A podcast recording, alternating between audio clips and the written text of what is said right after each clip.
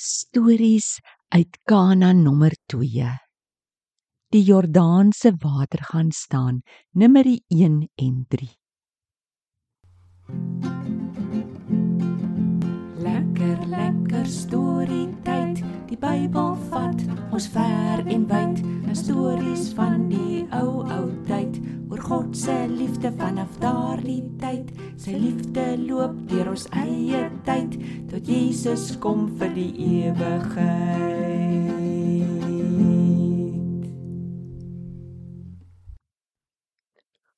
Bimbo. Tobias. Kyk hoe laat skrik jy my nou. Hallo julle. Ag, ek wou net kyk of tannie ook kan dang raak vir iets. Natuurlik raak ek bang, Tobias. Ek is bang vir slange en modderpaaie en Is tannie partykeer dang om die Here te glo? ai, Tobias. Dis seker die ding waarmee ons mense die meeste sukkel. Om te glo dat die Here sal doen wat hy sê. Weet jy, ek wil graag vandag vir julle 'n storie van Israel vertel wat my bang maak. Ek weet nie of ek God sou glo nie. Nou is ek daai net skieurig. Vertel tannie. Die Here het vir Joshua gesê hulle moes nou die land Kanaan inneem. Hy sou 'n wonderwerk doen om vir die Israeliete te wys dat hy by Joshua is. Joshua het vir die Israeliete gesê: Maak vir julle padkos reg, want oor 3 dae trek ons deur die Jordaan rivier. Was julle self skoon, reinig julle soos Moses julle geleer het. Kies ook sommer daar 12 sterk manne uit, een uit elke stam. Ek sal later sê wat hulle moet doen.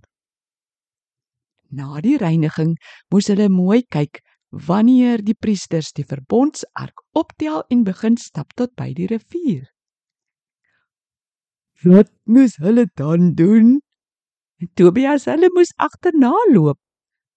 Maar daar moes 'n groot stuk oop bly tussen hulle en die ark, 900 meter.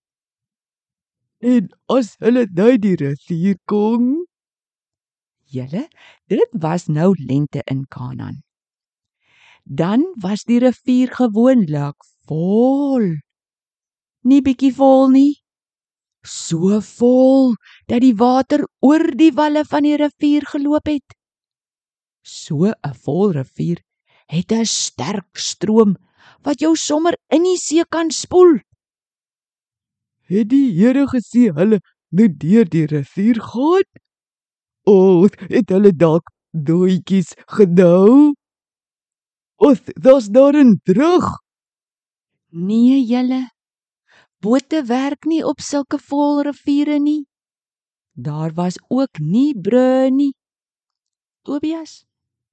Joshua het vir die Israeliete gesê: Vandag sal julle weet dat die lewende God tussen julle is.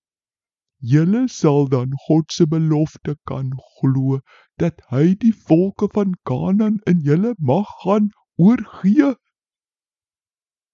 Nou, hoe moes hulle oor die rivier kom? Tobias, dis hier waar die Israeliete moes glo dat God gaan doen wat hy sê. Joshua het vir die priesters gevra om die verbondsark op te tel en dan in die rivier te begin inloop. Die oomblik wat die priester se voetsole aan die water raak, sou God die wonderwerk doen. Hulle sit in die Solrivier. O nee, Julle, ek dink ek sou daarom baie bang gewees het om my voete in daai vol rivier te gaan sit. Ek sukkel so baie keer om te glo wat God beloof het. En hy wys elke keer dat ons hom maar kan glo. wat doen God toe? Die priesters het met hulle voete in die vol sterk rivier begin inloop.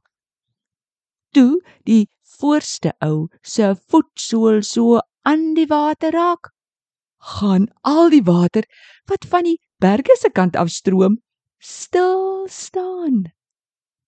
Dit het op een hoop gaan staan vir 'n ver end. Die water hier voor hulle het alles weggeloop na die see toe. En daar is die diep rivier se grond oop en droog voor hulle. Wat? Ardagtig. Ek kan dit nie glo nie. Net soos daai die Ritsee. Fantasties. Toe lood almal deur. Die priesters het in die rivierbedding bly staan tot almal haastig deur die rivier is. Die 12 manne moes elkeen 'n klip optel in die middel van die rivier. Hulle het die klippe gaan neersit by die plek waar hulle daai aand gaan slaap het. Joshua het ook gevra daar moes 12 klippe regop neergesit word binne in die rivier, daar waar die priesters en die ark gestaan het. Daar soor das die klippe, daddy. Die klippe was dat die Israeliete sal onthou hoe God hulle veilig deur die Volrivier gebring het. As hulle kinders later sou vra wat se klippe is dit, kon hulle die storie mooi vertel. En hoe lank staan die priesters toe in die rivier? Hulle het daar gestaan tot al 40000 mans en hulle vrouens en kinders deur is. Hulle het ook bly staan tot die 12 klippe in die rivier regop gesit is. Toe vra God, hulle moet uitkom. Die oomblik toe die agterste priester se agterste voet uit die rivier is, toe stroom daai hele klomp water weer terug. Die rivier is toe weer net so vol soos voorheen. Sjoe! Wonderlik. Hoe groot en sterk is ons God dan? Tobias, in die boek Joshua is daar geskryf dat God hierdie wonderwerk gedoen het dat al die volke van die aarde kan weet hoe sterk hy is. Ons ook. En dat die Israeliete altyd die Here sou dien. Nots. As julle nou hierdie storie vir iemand gaan vertel, sal hulle ook kon sien hoe wonderlik sterk God is. Julle moet songer nou gaan. Ek moet ook dadelik na Nai Naatjie toe gaan. Hy sal hiervan hou. Tobias, dis so 'n lekker kry storie. Ek is seker die maat sal dit vir iemand wil vertel. Daarom gaan ons nou eers groet sodat almal iemand kan gaan soek.